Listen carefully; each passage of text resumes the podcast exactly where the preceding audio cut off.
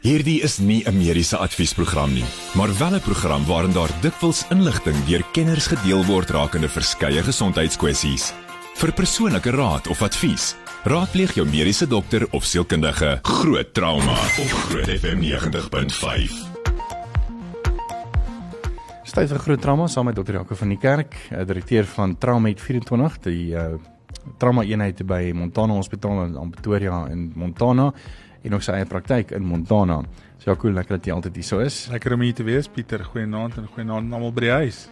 Uh, net so voor ons begin met 'n paar nuus stories wat nuus gemaak het en uh, ons hoor wat is dokter Jaco van die kerk se opinie daaroor wil ek jou herinner dat as jy enige mediese vrae het, gaan Jaco so aan die einde van die program bietjie daarna kyk en dit antwoord. So stuur gerus jou vrae nou na 061 610 4576 onthou staan data die geld en uh, jy het die geleentheid dat Jaco dalk jou vraag kan antwoord. 0616104576 onthou staan daar tariewe geld. Nou kom ons eerste storie of storie, ekskuus tog, ek moet nou daai Engels praat dit nie. Ehm um, gaan oor diabetes wat ehm um, glo weens 'n gebrek aan insulien weggewys word. Ja, Pieter, dit is eintlik 'n baie bekommerenswaardige storie. Ehm um, sommige openbare hospitale dan in die Oos-Kaap het dan volgens na of na bewering pasiënte weggewys omdat daar min insulien of glad nie insulien beskikbaar was nie um een pasiënt um wie se 8-jarige seun 'n tipe 1 diabetes sê hulle was op 20 Februarie by een van hierdie hospitale om sy insulien te kry en hulle moes eers 'n groot bohaai opskop. Nou tipe 1 diabetes is insulienafhanklike diabetes en sonder die insulien is daar die hoë risiko dat hulle wat ons praat van 'n DKA of diabetiese ketoasidotiese koma kan gaan. Suiker gaan op die glikose styg en 'n mens begin met abnormale metabolisme, mens kry allerlei komplikasies en die dood is een van die groot groot oorsake. Dis een van die groot um noodgevalle wat ons in ongevalle is ook sien met diabetes geassosieer is DKA's. Nou insulien is 'n baie moeilike ding om vir mense al klaar aan te leer om reg te gebruik, om goed te gebruik en om hulle dieet daarbey aan te pas. En as dit dan onderbreek word of nie, selfs net om van een insulien na ander een te skuif, is nie altyd so maklik as wat as wat mense dink nie.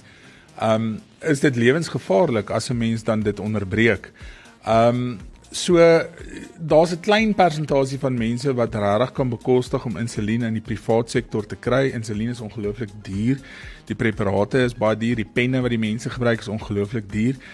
En ek ek ek hoor ook die staat se kant dat um want een van die van die persone sê die die staat ehm um, instansie het vir hulle gesê dat hulle wag vir die nuwe finansiële jaar. Nou ek dink nie is 'n goeie dis 'n goeie verskoning nie want tot wanneer gaan jy nou wag? Jy weet as jy by 20ste Februarie daar's in die finansiële jaar het eers vandag begin dan ehm um, is dit te laat vir jou. Maar ehm um, dis soos enige storie daar buite. Ek dink daar's daar's drie kante. Daar's jou kant, my kant en die regte kant want dit kom nou van die pasiënte kant af die, van die staat se kant af die woordvoerder vir die Oos-Kaapse Gesondheidsdepartement het gesê ehm um, die verskaffingsketting is wel ontwrig omdat daar herstelwerk aan 'n sentrale mediese depo gedoen moes word omdat daar dan nou swaar reën uh skade aan aan aan berokken het en dit is Dinsdag voltooi en hulle het die hospitale aangemoedig om dan hulle voorrade by hierdie depo te gaan aanvul sodat daar nie 'n tekort is nie. So volgens die departement gesondheid is daar sentraal in die depots genoeg insulien. Nou die vraag is is dit 'n luiheidseffek of 'n luiheidsprobleem tussen die koerier wat die wat die insulien moet of die medikasie nie net insulien nie, al die medikasies moet vervoer tussen die hospitale. Het die hospitale nie ook 'n verantwoordelikheid om te sien sy voorrade loop laag so gaan haal self nie? En ek dink daar's ook 'n kommunikasieprobleem dalk tussen die die sentrale regering en die sentrale depo en dan die individuele hospitale want die individuele hospitale moet tog weet dat daar wel insulien beskikbaar is. Ek dink is net 'n lewensbedreigende of 'n lewensgevaarlike probleem en ek dink is iets wat mense regtig waar nie ligtelik kan opneem nie en ek dink kommunikasie nommer 1 belangrik en nommer 2 is deursigtigheid laat mense kan weet is daar of is daar nou nie en ehm um, hoekom is daar nie as en en waar anders kan jy dit kry omdat dit 'n lewensbedreigende siekte is en omdat dit ehm um, regtig waar van kardinale belang is dat 'n mens jou insulien reg gebruik.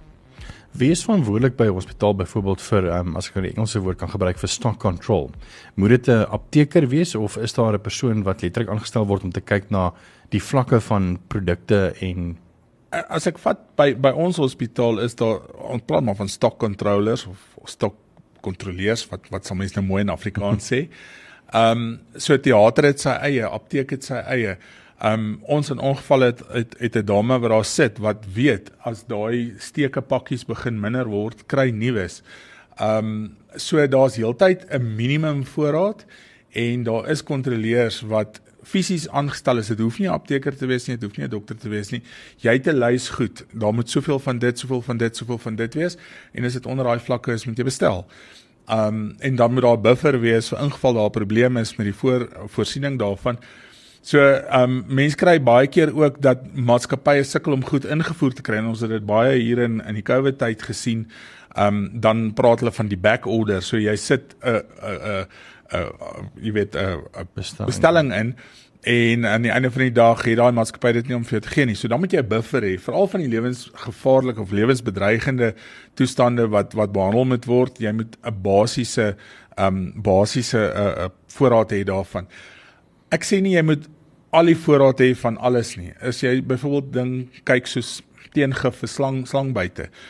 Alle hospitale het nie noodwendig genoeg teengif vir 'n slegte slangbyt om dit dan toe te dien nie, maar jy het genoeg om te begin en jy het 'n samewerkingsooreenkoms tussen die mense. En dis die ander probleem tussen die staatssektor en die private sektor. Is die staatssektor is baie keer en ek weet nie hoekom dit so is nie en dit is dis tussen kollegas ook so in die, van die staat teenoor die private sektor. Hulle wil nie saamwerk nie en en ek weet nie hoekom dit so is nie en ek ek weet nie waar die probleem lê nie, maar ek dink tog daar moet samewerkingsooreenkomste wees as so iets gebeur. En wat is die verhouding van byvoorbeeld die die stock controller en byvoorbeeld dokters? Byvoorbeeld kom ons vat nou maar 'n voorbeeld, kom ons sê byvoorbeeld die die insulien raak nou. Hmm. Klaar en uh, daar's back orders, maar daar is nie stok by die by die uh, moet moet kan hy dan met 'n dokter praat om te sê hoor jy is daar alternatiewe wat ons kan kry net vir 'n buffer of Ja, uit die aard van die saak, ehm um, is daar is daar altyd jy moet net betyds met die dokter gaan praat. Help nie hy staan in teater met 'n oop buik of 'n oop been of wat ook al en jy sê vir hom nou jy nie meer klips om toe te maak nie, jy weet. Ehm um, jy moet voor die tyd dit vir hom gaan sê of haar gaan sê en um, bespreek wat gaan julle doen? Gaan julle die geval kanselleer? Gaan julle die pasiënt uitplaas na 'n ander plek toe of is daar 'n veilige alternatief wat net dieselfde effek of uitkoms gaan hê. Want as mens gaan 'n komplikasie kry in medisyne, gaan die hof ook vra, het jy jou beste gedoen en vir dit wat beskikbaar is. En ek dink mense moet regtig waar ook nie gaan gaan compromise of mense benadeel deur 'n uh, minderwaardige produkte gebruik net omdat dit makliker is om in die hande te kry nie. Hmm. Net en dan bly inskakel ons gaan 'n bietjie praat oor uh, daar's 'n uh, uh, fake news wat rondgegaan het oor die Gautengse kraanwater wat by paar kolera bevat. Ons 'n bietjie daar gesels. En dan 938 lyke onuitgeken in Gauteng en hoekom dit 'n groot probleem is. So bly ingeskakel daarvoor. Onthou ek kan vra vir Jaco enige mediese vrae 061 610 4576 en onthou standaard tariewe geld. Groot trauma met Pieter Kloete en dokter Jaco van die Kerk op Groot FM 90.5. Ons kyk net 'n paar nuus stories wat nuus gemaak het en ons hoor wat is dokter Jaco van die kerk se opinie daaroor. Jaco, ek het ook 'n boodskap ontvang op WhatsApp van mense wat goed sommer net aanstuur en nie eers 'n bietjie daaroor nadink nie. Maar dit lyk my Gauteng se kraanwater bevat geen kolera soos wat hierdie boodskappe nou deurgekom het nie. Pieter, gelukkig dink ek ehm um, bevat dit nie kolera nie. Ehm um, die Gautengse departement van gesondheid het gesê gerugte dan nou kraanwater besmet is met die bakterie is kwaadwillig en so op, op sosiale media versprei. En ek dink dis een van die voorbeelde wat sosiale media baie baie keer gebruik word om fopnuus te versprei en mense is geneig om eerder die sosiale media platforms te glo as die die akademiese ehm um, bewyse die, wat die, wat die teendeel dan bewys. Ehm um, die organisme wat kolera veroorsaak is Vibrio cholera en is 'n bakterie wat gewoonlik deur water oorgedra word. En die algemeenste plekke is as jy in damme, riviere of boorgate wat wat wat besmet is. As jy met daai water in kontak kom of as jy swak higiëniese standaarde handhaaf, dan is jou risiko hoër om kolera te kry. As jy 'n hoë um, vlak van higiëniese um praktyke voer, jy het hande wat jy was voor jy kos kos bedien um of voorberei, jy kook dit goed goed dan behoort jy nie eintlik siek te word nie. Um dis regtig waar eintlik 'n ouerige siekte, dis 'n ding wat relatief maklik behandelbaar is. Dit is ongelukkig so dat die pasiënte wat dan die 5 gevalle wat wat sedert um einde Januarie in Suid-Afrika aangemeld is, al 5 in Gauteng is. is dit toevallig? Ons weet nie. Is daar in ander provinsies wat dalk nie aangemeld is nie of wat nie getoets is nie? Dit sal ons ook nie weet nie, maar die eerste persoon is oorlede. Ehm um, al as gevolg daarvan in in 'n Benoni Hospitaal. Ehm um, so dit is so dat mense wat wat immuunonderdruk is of wat in 'n van 'n swak sosio-ekonomiese agtergrond afkom, wel meer vatbaar is hiervoor en meer vatbaar is tot komplikasies wanneer hy die aard van die saak bloeding uit die darmkanaal en en ontwatering en nierversaking ehm um, gaan kry. So ek dink definitief ehm um, mense moet baie baie versigtig wees om sulke nuus en sulke brokkies nuus aan te stuur voordat jy weet wat jy sê. En ehm um, as dit in kraanwater was was dit baie meer mense as 5 ehm um, dit gehad in Gauteng.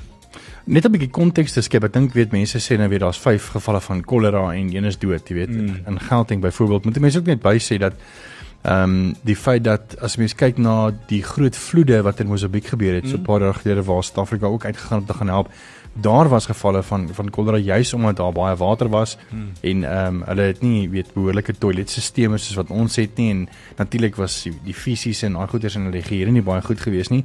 Kan ek kan 'n mens dieselfde sê dat weet met ons baie reënd ons nou gekry het ehm um, en die onhigiëniese manier van leefstyl ongelukkig van die agtergeblewenes in byvoorbeeld plakkerskamp en die meer dra by tot kolera. Definitief. En nie net kolera nie. Um al die ons sien baie gastro-intestinale infeksies nou en dis baie keer reën geassosieer.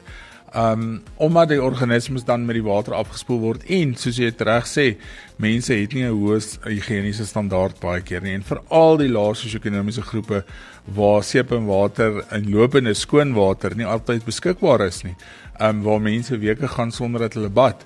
Um is hulle dan in kontak kom met met water wat reënwater wat hulle opgevang het, is die is die is die risiko hoog dat hulle nie net kolera nie, maar ander gastro-intestinale infeksies ook kan opdoen wat net so erg kan wees.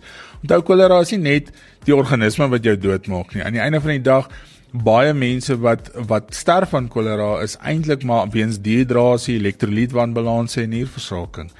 Um en dit kan met enige slegte gastro-intestinale infeksie gebeur. Ja, dan ehm um, hoekom is dit 'n probleem dat 938 lyke nog steeds onuitgeken in Gauteng is en in hospitale of in lijkhuise lê? Dit is eintlik skrikwekkend dat daar so baie mense is wat nie deur families gesoek word nie of as hulle deur families gesoek word dat die families nie by lijkhuise ook gaan kyk nie. Ehm um, dit is regtig kommer kommerenswekkend um dat daar 938 basies lyke in 11 lykshuise oor die oor die oor die provinsie lê op hierdie stadium.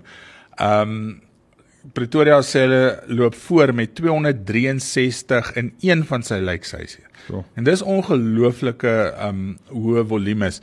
Nou die probleem is as ons byvoorbeeld in 'n ongevalle situasie 'n onnatuurlike sterfte kry, en jy moet die RGL of die of die staatslykshuis in kontak mee kom om die persoon te kom haal want daar moet nou 'n geregtelike doodsondersoek gebeur, dan is daar dood eenvoudig nie altyd eers plek vir hierdie persone om lykshuis toe te gaan nie.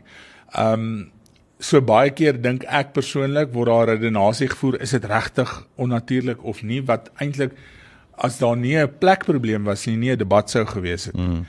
Um ek dink mense wat familielede vermis, soek mense en dan op 'n stadium hou hulle op en ek weet nie hoekom hulle ophou by hospitale nie. Hoekom gaan hulle nie en en gaan kyk na na lijkhuise ook nie. Ja. Nou tans in ons land is die reël dat ehm um, die departement lyk binne 30 of na 30 dae wat hy nie uitgeken is nie, ehm um, behoort daai persoon dan aan die ehm um, regering of die staat en die staat kan dan nou met daardie persoon maak um, wat hy wil. Hy kan dan uit die aard van die saak um ontslaa raak van die lyke. Nou baie keer dit nie dis nie altyd 'n slegte ding nie want ek dink baie van die universiteite gebruik mm. dit om kadavers te maak vir die mediese studente. Universiteit uh, van uh, uh, TUT wat definitief wat uh, daai beentjies maak wat jy gebruik vir de, definitief. So aan die einde van die dag daar's daar's voordeel ook, maar ek dink is baie hartseer dat mense vergeet word in 'n staatslykshuis hmm. en ek dink um mense met regtig word daar ook gaan soek as um familielede wegraak en as jy dink jou familie is daar en jy kry hulle daar wees net daar in terme van um met hulle met hulle identiteitsdokument jou identiteitsdokument en dan sal die staat daai persoon vrystel vir jou om dan op 'n op 'n menswaardige manier of 'n of 'n of 'n goeie manier te gaan begrawe en regtig waar um hulde te te bring aan daai persoon. Um die staat sit ook nie stil soos wat baie mense dink en en en sien net hoe word die lyke meer en meer en meer nie. Hulle soek ook na persone. So hulle kyk na vingerafdrukke wat dan na die polisie toe gestuur word of binnelandse sake toe en dan uit die aard van die saak by binnelandse sake kyk hulle vir adresse. Die probleem is ons in Suid-Afrika hou nie altyd ons adresse hmm. op datum by binnelandse sake nie. So hulle gaan baie keer voor 'n voor 'n verkeerde deur staan wat jou vorige adres dalk 10 jaar terug was. Ehm um, so ek dink 'n belangrike ding is ook om seker te maak jou adres is op datum by binnelandse sake want dit beteken as jy eendag tot sterwe kom en niemand kry jou nie al jou al jou vingerafdruk kan gebruik en hulle kan jou adres so op uh, en jou naasbestaande so in kennis stel. Dis uh, al die stories wat dis gemaak het en ons het gehoor wat is dokter Jaco van die Kak se opinie daaroor. Net hier nog eens 'n bietjie praat oor moegheid. Ehm um, weet is dit 'n simptoom of 'n sindroom? Uh ek weet Desember vakansie is nou letterlik nog net 2 maande oud, maar ek self voel letterlik bietjie fitloos en moeg en afgemat en dit voel asof 2023 uh 'n mens amper half bietjie versmoor. So as jy dieselfde voel, laat weet 'n bietjie vir my van jou uh, ervaring 0616104576 onthou standaard tariewe geld. Groot trauma op Groot FM 90.5.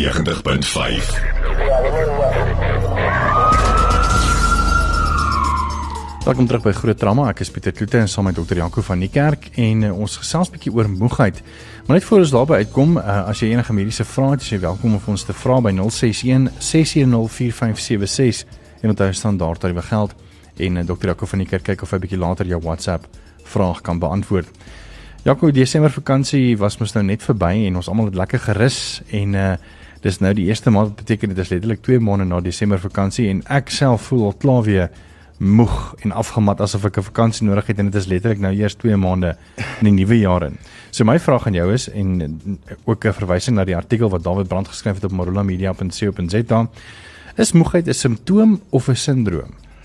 Pieter, ek dink ons albei kort dalk 'n vakansie as ek nou ons tweeetjie so kyk vanaand. Ja ja. maar ehm um, moegheid is een van die van die simptome wat ons in in praktyk sien wat ons regtig waar partykeer met ons hande in ons hare sit. Want daar's 'n groot verskil tussen moegheid en kroniese moegheid en kroniese moegheidssindroom. Kroniese moegheid beteken net jy het heeltyd daai laaggraadse moegheid, jy het nie lus vir iets nie. Um ten spyte van die feit dat jy dat jy lekker slaap. Um ten spyte van die feit dat daar um nie erge inspanning is nie. Um jy het nie verkeerde medikasie wat jy drink nie ensovoorts. Makroniese moegheidssindroom is 'n toestand wat lank kontroversieel was, maar tans is daar ICD-10 kode en dit word gesien as 'n mediese siekte tans. En kroniese moegheidssindroom is eintlik 'n diagnose by uitsluiting. Met ander woorde, jy met al die ander oorsake vir kroniese moegheid gaan uitskakel.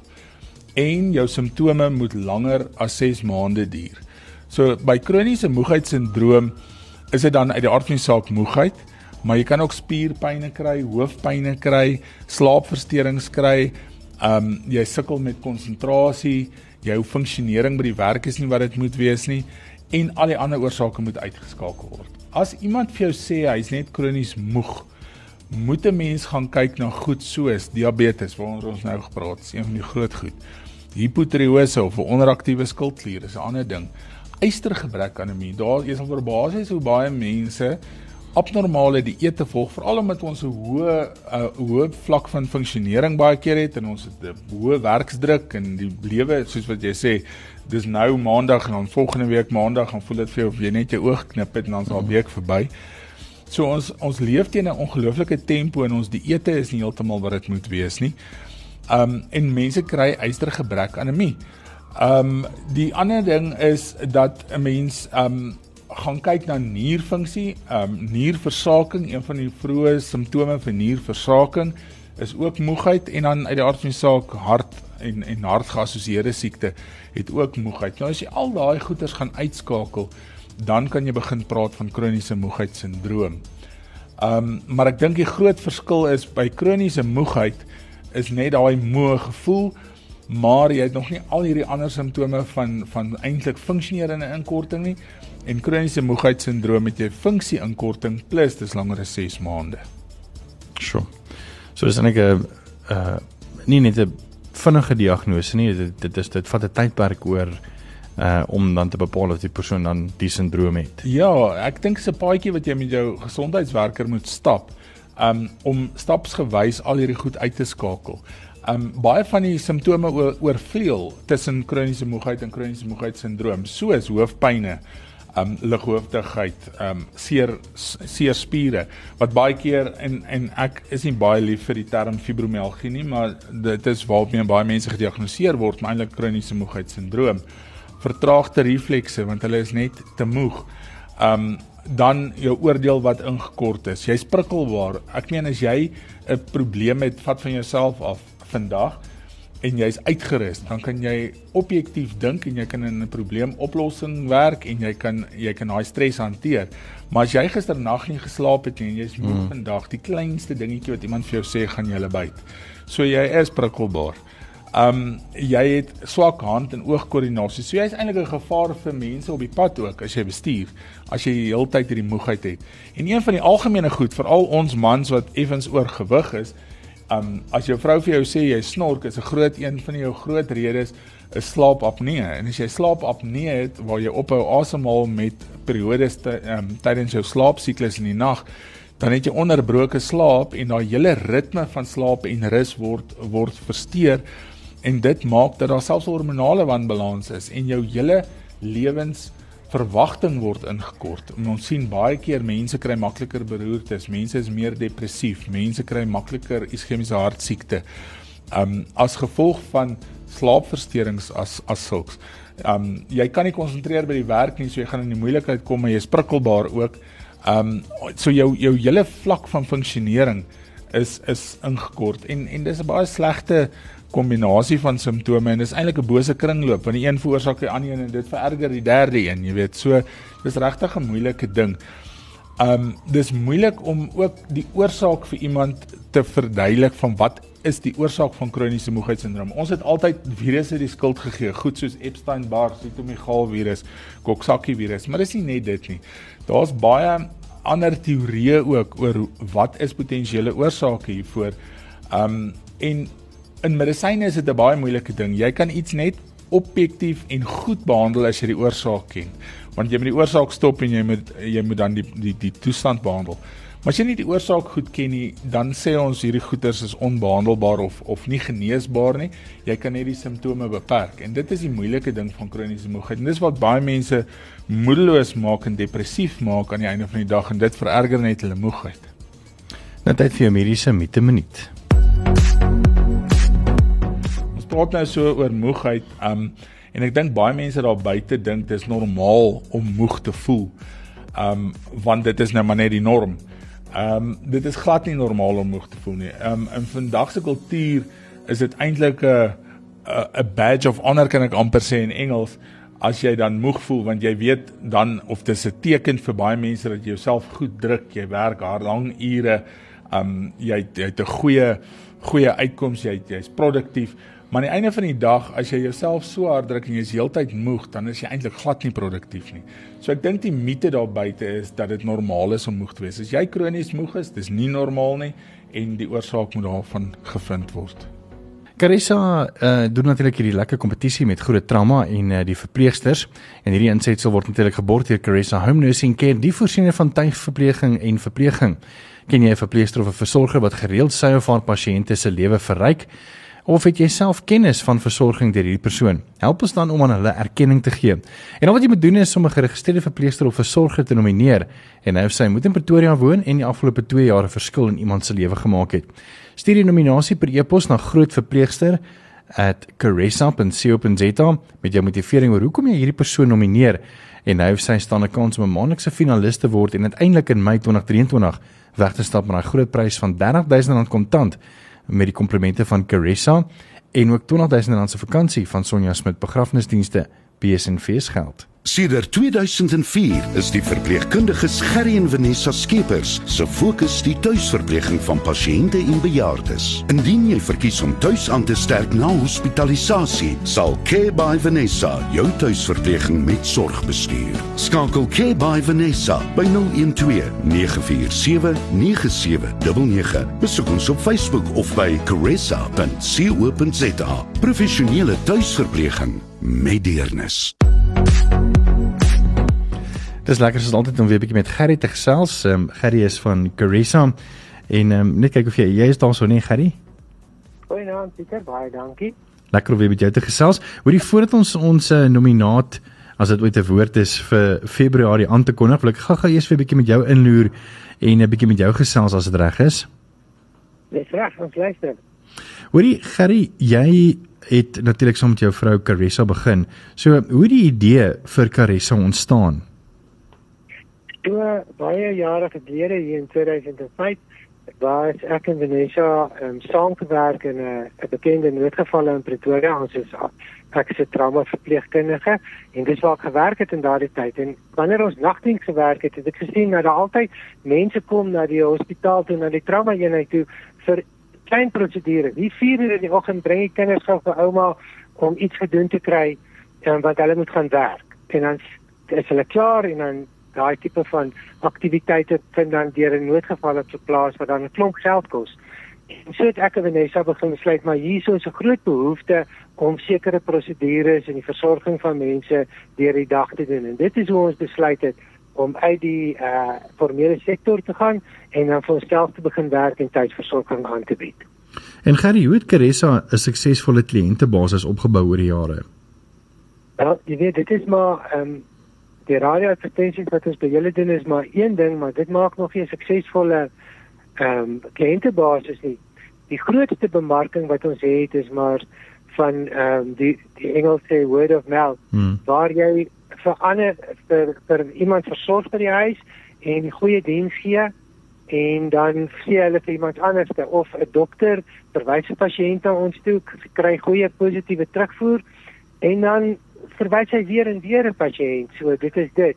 Ehm um, die belangrikste ding wat ons moet onthou is ehm um, ons as verpleegbestuurders en kan wat 'n wonderlike verpleegkundiges weet wat ons wil dalk. Maar die mense wat die werk doen op die grond.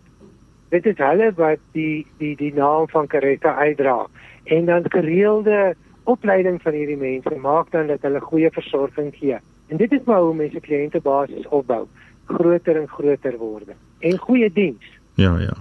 Hoor ek is nogal baie nuuskierig. Hoeveel uur per dag werk 'n tuisversorger gemiddeld? So ons besigheid is werk 24 ure 'n dag. So. So want daar is altyd iemand wat siek is. Ons het dan 'n verpleegkundige wat op roep is en ehm um, ons so ons telefoonlyn is 24 ure 'n dag beskikbaar. Ehm um, vir die hulp van die mense wat ons versorg by die huis.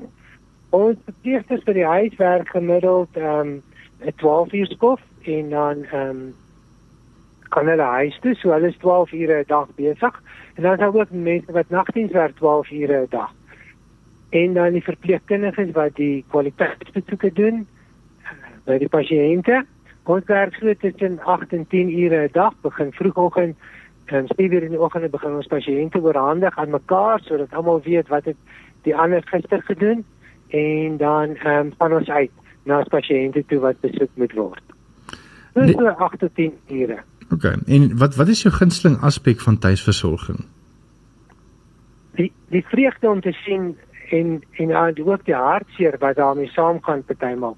Soos byvoorbeeld pasiënte wat terminaal siek is, wat vir lang tyd in in in 'n hospitaal lê en dan huis toe gaan.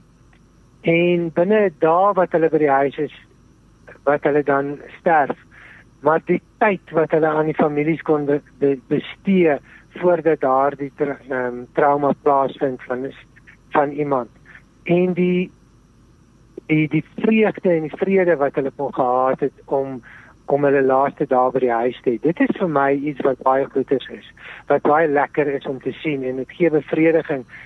En as mens dan later daardie oorlewende ehm um, eggenoot dan weer eers in 'n winkelsentrum of in 'n hospitaal raakloop, wat jy sê die dae, die laaste dae wat ek onthou van my man of vir my vrou se siekte toestand is nie hoe hard ons gewerk het nie, maar hoe gemaklik dit was waar Teresa al die werk gedoen het, die verpleegsters hard gewerk het en die druk van ons afgevat het en jy net die liefde kan gee het vir daardie persoon wat nou siek is in jou huis. So dit is dan bevredigende werk wat ons doen hmm. daar. Hoorie Gerry, jy en Vanessa het nou baie jare se ervaring as as verpleegkundiges en as natuurlik as tuisversorgers. Wat se raad sal jy aan kollegas of verpleegstudente gee wat as onafhanklike verpleegkundiges wil werk? Wat bedoel hulle wil nou nie vir 'n hospitaal gaan werk byvoorbeeld nie? Ja, ek dink die die belangrikste ding voordat mens vir jouself kan werk en ek glo ons ander kollegas wat in die stad vir hulle self werk soos die wondverpleegkundiges, die wondsorgverpleegkundiges en die stoma verpleegkundiges. Ehm um, ek laat net 'n redelike lang tyd in 'n in 'n in 'n formele sektor moet werk sodat jy daardie ondersteuning kan opdoen. Ehm um, jy kan nie direk na universiteit die ding begin doen en vir jouself werk nie. Dit dit kan net nie suksesvol wees op die einde van die dag nie. Dat net moet 'n agtergrond hê van wat mens doen, 'n goeie basis waar jy vanaf jy kan vertrek. Na na graadse of 'n uh, kwalifikasie is ook altyd 'n baie goeie idee om net net 'n ander denkwyse te begin gee. En ek glo dan ook ehm um, gereelde bywoning van konferensies en selfstudie na die tyd is maar 'n is maar 'n 'n addisionele surplus daarbey om goeie praktyk te hê. Hm, ek hoor jou. Moet jy gaan nie baie dankie. En ons het ook nou 'n uh, 'n persoon wat dan genomineer is vir Februarie wat dan deurgaan na die finale toe wat ons dan in Mei maand uh, iemand gaan gaan aankondig Jaco. Ja, ehm um, vanaand se nominasie is Suster Priscilla Besaidnout van Alma skool vir leerders met spesiale behoeftes en dit sluit uit die aard van die saak in kinders met komplekse mediese behoeftes asook die ehm um, baie keer uh, geestelike gestremthede. Nou Suster Besaidnout nee, al het 'n klomp goed hier opgenoem. Ek ek sit hier met 'n pak blaaie in my hand. Ehm um, maar in COVID tyd het sy byvoorbeeld navorsing gedoen oor die toerusting en beskermende drag wat nodig was. Hulle het aan die kinders geleer hoe om hulle hande te was, hoe om ehm um, sosiale distansiering toe te pas. Sy is betrokke by die noodhulp by die skool. Sy leer ook die ander personeellede hoe om noodgevalle te hanteer en nie heeltemal ehm um, jy weet jy weet ons as iets gebeur, ehm um, dan's almal aan die emosioneel raak en sy's die die kalme mens intussen die klomp tussen die groep. Ehm um, sy weet hoe om kinders te hanteer wat dalk siek is en hospitaal toe moet gaan en om hulle te kalmeer en uh, doen ook tuisbesoeke. So suster Besaidenheid Priscilla, ehm um, baie geluk. Daar sê, dankie weer eens Gerry vir jou ook hoor.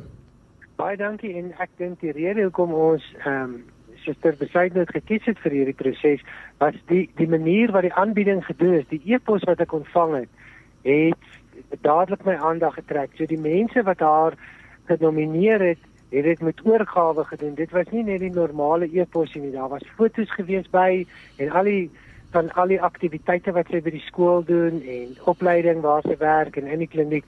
So dit was 'n baie mooi aanbieding vir my gewees daarin. Wonderlik, baie dankie Gerrie.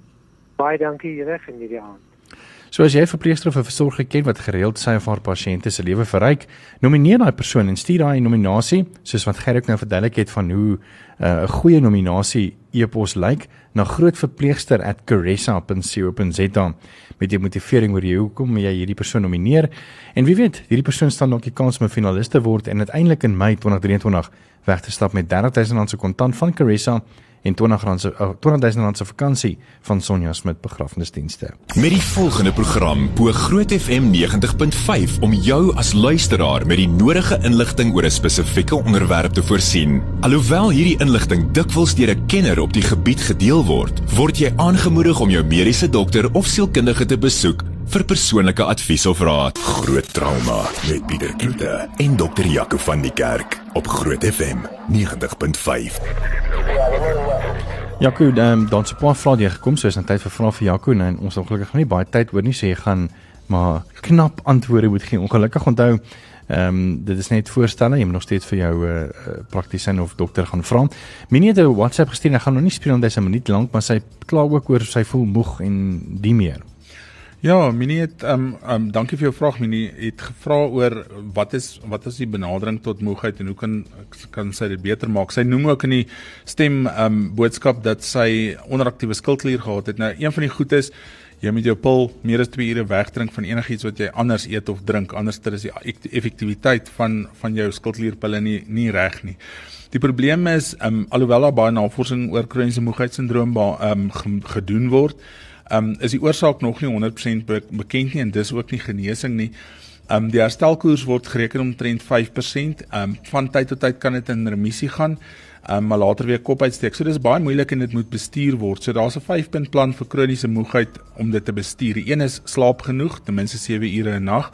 Eet reg want baie keer is dit voedings um tekorte en elektrolyte en minerale tekorte. Um maak tyd vir jouself. Um lees, bad, mediteer, doen 'n stokperdjie. Gaan dokter toe dat hy daai toetse doen om te kyk wat is die oorsake vir jou moegheid want daar is baie goeie mediese oorsake vir moegheid en hou jou vloeistofinname um hoog wat nie kafeïn insluit nie want dis 'n stimulant wat jou gaan laat slegter slaap. Dan is daar drie vrae oor uh, diabetes. Ehm um, goeienaand dokter, mag 'n mens diabetes medikasie tipe 1 en 2 as kronies aanvra doen by mediese fondse? Dis Letitia Klopper. Letty ja, dit ehm um, jy kan definitief en al wat hulle vra is gewoonlik die vorm wat moet ingevul word met dan jou initiële diagnose, ehm um, bloedtoets en dan jou HbA1c of jou gemiddelde suiker vir die laaste of glikose vir die laaste 3-4 maande en dan um, op grond daarvan as dit dan nou kwalifiseer op grond van die van die definisie, dan sal dit een van die toestande wees wat die meeste mediese fondse 100% sal dek. Nou ongelukkig is dit net tyd vir 'n ander twee diabetes vrae, maar ek dink dit is miskien ook 'n onderwerp wat ons weer uh, in die nabye toekoms kan stil staan, ja, kom 'n bietjie meer oor gesels. Weerens dankie vir dokter Jaco van die kerk wat vanaand gekom het, eh, die direkteur van Trauma 24, die trauma eenheid by Montana Hospitaal ook sy eie praktyk daar in Montana. Jaco, dankie dat jy was. Dankie Pieter. Groot trauma met Pieter Kloete en dokter Jaco van die kerk op Groot FM 90.5.